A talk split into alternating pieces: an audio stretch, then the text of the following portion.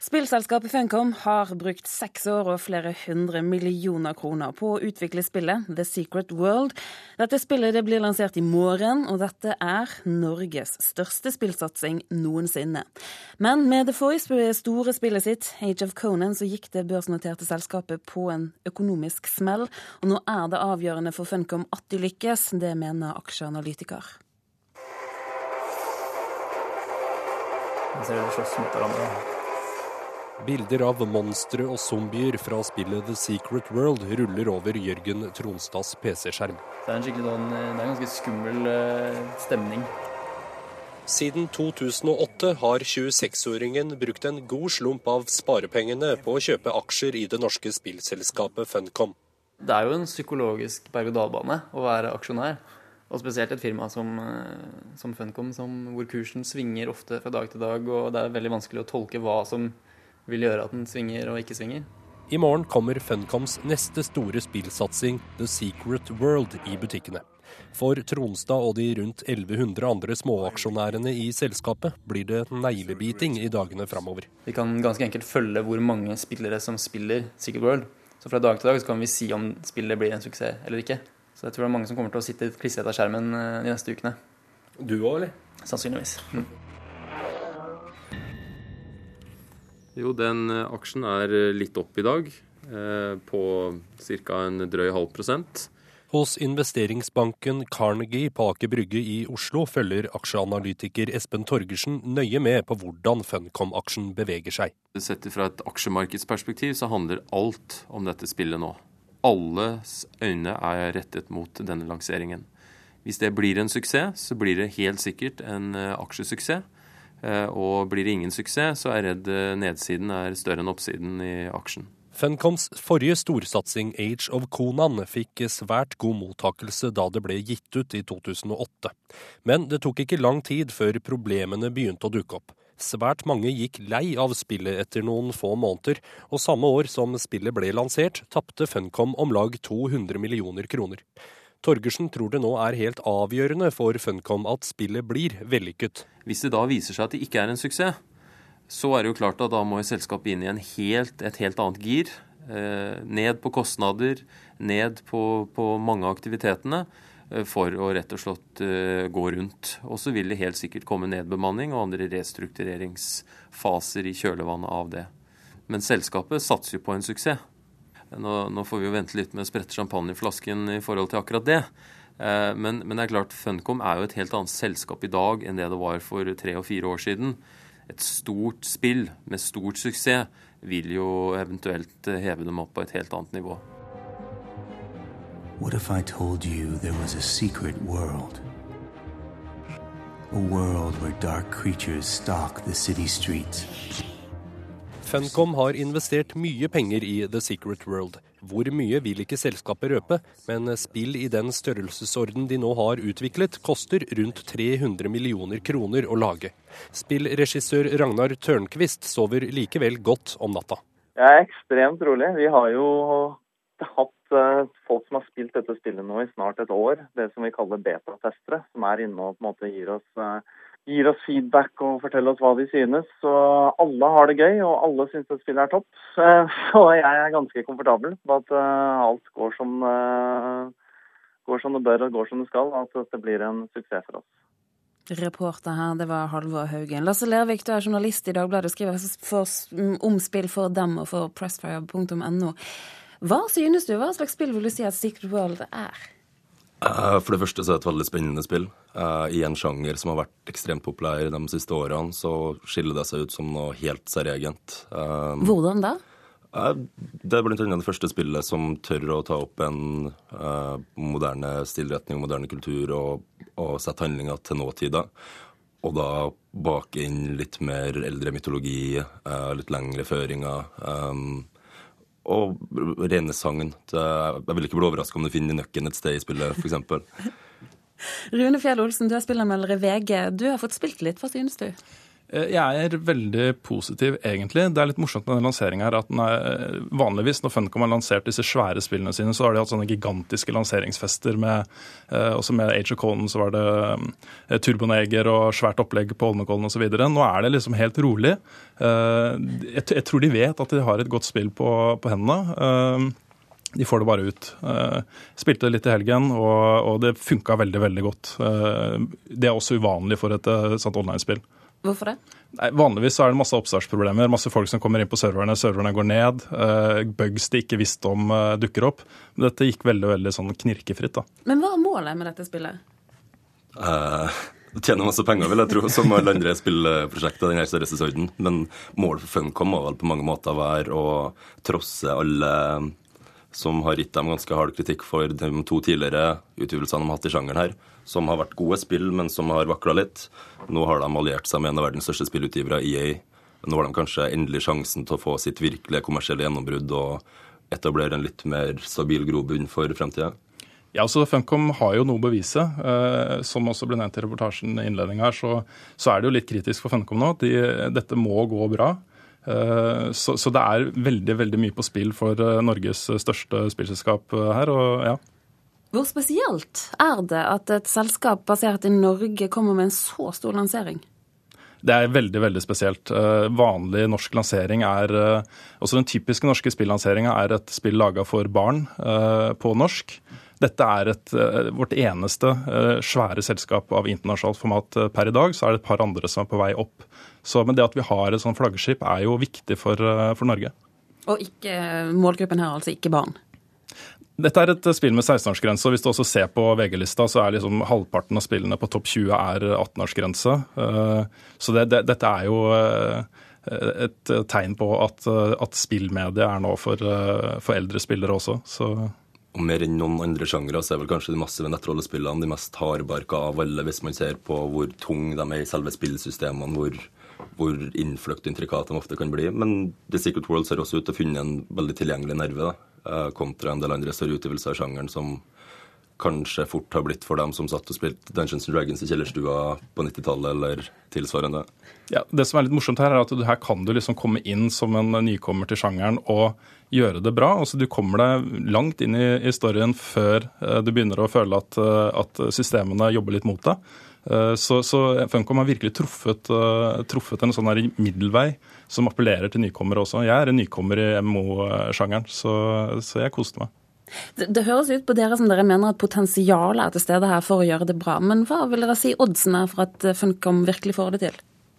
De har jo oddsene mot seg. De har prøvd to ganger og mislykkes. Også der, eh, som du nevnte, Lasse, så, det, så, er det gode spill. Har blitt etter hvert. Lanseringen var veldig dårlig, og det var ikke i nærheten av den suksessen som de håpa det skulle bli. Så de har jo liksom feila to av to ganger. Oddsene er litt imot dem. Men øh, hvis de først har nå truffet, hvis de har lagd et spill som er helt ferdig og som funker hele veien gjennom, så er oddsene gode. Det har fått massevis av positive omtale i forkant. Nå venter vi jo på embargo på anmeldelser, øh, den globale embargoen som er i morgen. Eh, og Da får vi jo se liksom et tydelig signal da, på hvordan mottagelsen faktisk er. Men, men, nå har dere nevnt flere ganger at de har mislyktes to ganger. Kan ikke du minne oss litt på denne historien til Funcom? Jo, Rett etter tusenårsskiftet så debuterte jeg med sjangeren her med sci-fi-MMO eh, eh, Energy Online. Som etter hvert også har etablert seg som en veldig særegen uh, sak i sjangeren. Men det hadde massive lanseringsproblemer. Kanskje det største av noe massivt nettrollspill gjennom tidene. Det var praktisk talt uspillbart i flere dager, og det tok kanskje et par uker før det lå på den stabiliteten man forventer av en slik utgivelse. Og så kom Age of Conan i det, 2008, var det? 2008, noe sånt. Eh, også en massiv utgivelse basert på en veldig kjent lisens, nødvendigvis med Konan, eh, som rett og slett mangla innhold. Så det hadde et fantastisk fint ytre og masse dybde, men det det gikk et par, par, dager, kanskje en uke, og så, så var det ikke noe mer å spille, rett og slett for de som var aller uh, først til bordet. Men Det som er litt morsomt med Funcom, er jo at, eh, at de, de, satser jo ikke safe med noen av sine utgivelser. De har liksom gått inn i den sjangeren her med sin egen tilnærming hver gang. Og Det syns jeg de skal ha en del honnør for, at de nå har også gjort det en tredje gang. Prøver å lage sin egen nisje i dette her og, og sin egen, går sin egen vei. Det, det er jo kjempespennende. Vi får eh, sette strek der. Rune Fjell Olsen, takk for at du var med oss her i Kulturnytt. Takk også til eh, Lasse Lærvik.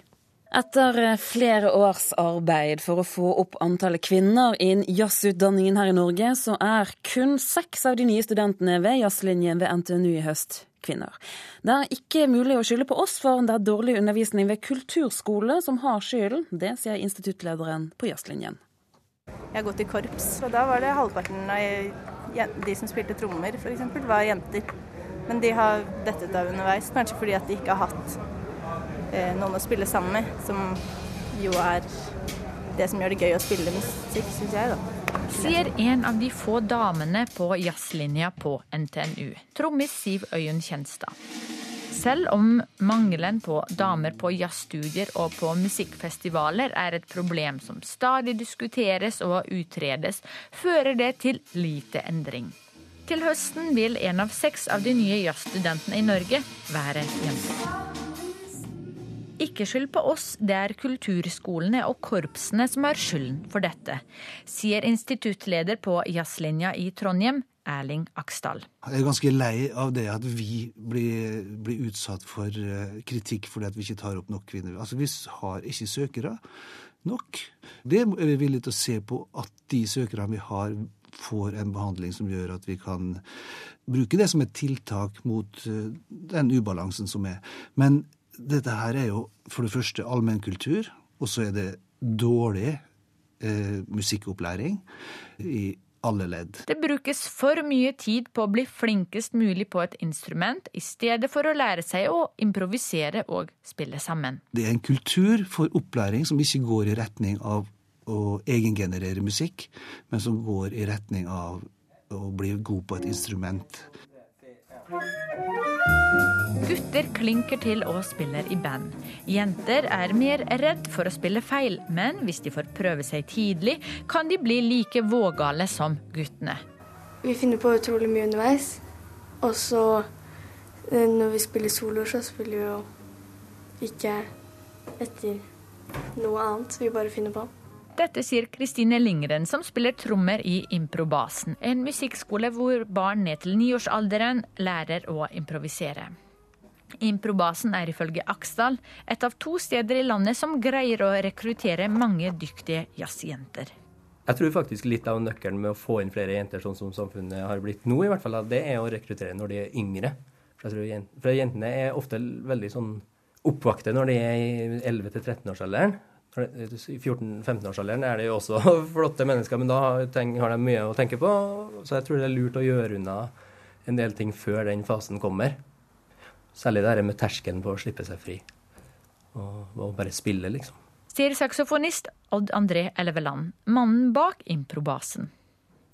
Kulturskolene kan bidra til at flere jenter tør å spille jazz, men noe ligger i kjønnsforskjellene, sier konstituert styreleder i Kulturskolerådet, Trygg Jakola. Guttene søker umiddelbart mer til, til grupper enn en det en jentene gjør. da. Altså Det med samspill ser ut til å være viktigere for, for gutter enn for jentene. Og Det kan ligge årsaker i kulturskolen, og det kan ligge årsaker til det utenom eh, kulturskolen. Altså relatert nesten til, til, til, til kjønn. Så eh, Kulturskolen har nok en jobb å gjøre i å motivere jenter mer til til samspill og, og improvisere. Men jeg tror det blir, det blir for smalt hvis det bare bare um, kulturskolen som skal stå for det. Og det sa konstituert styreleder i Kulturskolerådet Trygakola til reporter Sofia Pasjkiewicz. Her i Kulturnytt skal vi nå til Festspillet i Nord-Norge, som ble avsluttet i Harstad i helgen med forestillingen av Bohuslän Big Band og solist Margareta Bengtsson. Men til tross for et svært godt besøk på årets Festspill, så går det mot et underskudd på i underkant av en halv million kroner. I år så har årets arrangementer trukket 26 000 publikummere. Det er langt flere enn i fjor, sier direktøren Tone Vinje. Det har nok mye med at Eh, vi valgte å gi en gave til folket i form av luminarium, som har altså trukket i snitt 800 publikummere hver dag. Vi har altså valgt å gi det, og ikke ta noen inntekter derfra. Luminarium var det fargerike luftslottet som var blåst opp på kaia i Harstad. Hver dag var det lange køer av folk som ville inn og la fantasien få løpe fritt i det mønsterfargede spillet i labyrintiske ganger laget av PVC-plast. Det hele akkompagnert av svevende musikk. Men denne virkelighetsflukten hadde sin pris, for selv om publikumstall i år blir på om lag 26 000, nærmer underskuddet seg en halv million kroner. Nå har jeg ikke, og det kommer jeg ikke til å ha på en stund, full oversikt over utgiftssiden, men vi vet at vi ikke har noe voldsomme sprekker der. Men eh, så langt så opererer vi med begrepet et meningsfullt underskudd. Din første festspilluke, du, kan du senke skuldrene og, og slappe av i forvissning om at eh, publikum er fornøyd? Ja, jeg, jeg, tror jeg skal driste meg til det. Jeg har i hvert fall møtt utrolig mye positive reaksjoner på, på det vi har gitt. Neste års festspill, hva, hva kan vi vente? Og det tror du du får svar på nå? Det gjør du ikke. min, eh, min, ambisjon er å opprettholde og videreutvikle den sterke posisjonen som Festspillet i Nord-Norge har. Drømmen er at stadig flere mennesker skal kunne si dette klarer vi oss ikke uten, dette må vi ha. Og så må vi skape et innhold som gjør det stadig mer sant. Reporter, det var Nils Meren. I år så debuterer Geir Numedal med romanen 'Hun er der hele tiden', vår kritiker Marta Norheim har lest. Hun er der hele tiden er ei historie om Aksel og Maren, to studenter som forelsker seg i hverandre, flytter sammen og har sine opp- og nedturer. Det er livet på lesesalen på Blindern, pauser i kantina med vidløftige diskusjoner der nylærte navn og tankemodeller svirrer gjennom lufta. Det er faglige og erotiske rivaliseringer. Numedal har et godt blikk for de ulike aspekter ved studentlivet, og alle som har studert på Blindern eller på andre universitet for den del, vil nikke og kanskje humre gjenkjennende. Det er nettopp blikket som tar denne romanen videre og gjør den til mer enn en roman om en gjeng studenter. Hun reiste seg småhostende, gikk bort til det nærmeste treet og satte seg på huk. Han hørte hvordan strålen traff gresset, og tenkte på kjolen som strammet rundt hoftene, underbuksa hun hadde måttet kaste. Hele tiden satt hun og så på at han så på henne, smilte som ingenting av at de så på hverandre sånn. Hun fanger han med blikket, han fanger henne med å holde det, de definerer hverandre med kameralinser, de går inn i et komplisert spel der han veit at hun veit at han ser, og det poserende eller teatrale blir liggende og bikke mellom pornografi og kunst. Maren er knytta til dette spelet og er lite interessant utover det. Aksel har en lett forvirrende tilleggsdimensjon.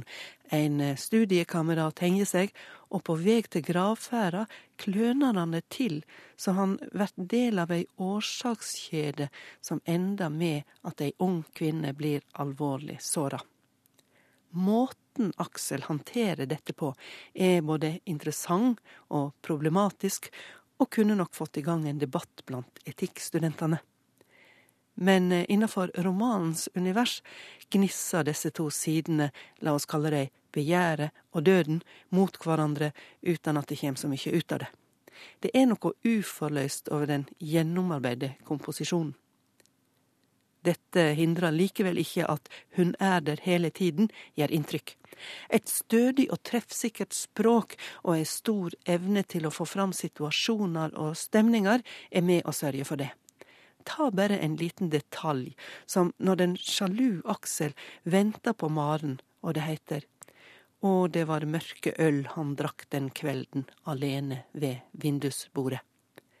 Bare ei setning, og du ser han for deg. Sa vår kritiker Marta Norheim Omgeir Numedals roman 'Hun er der hele tiden'.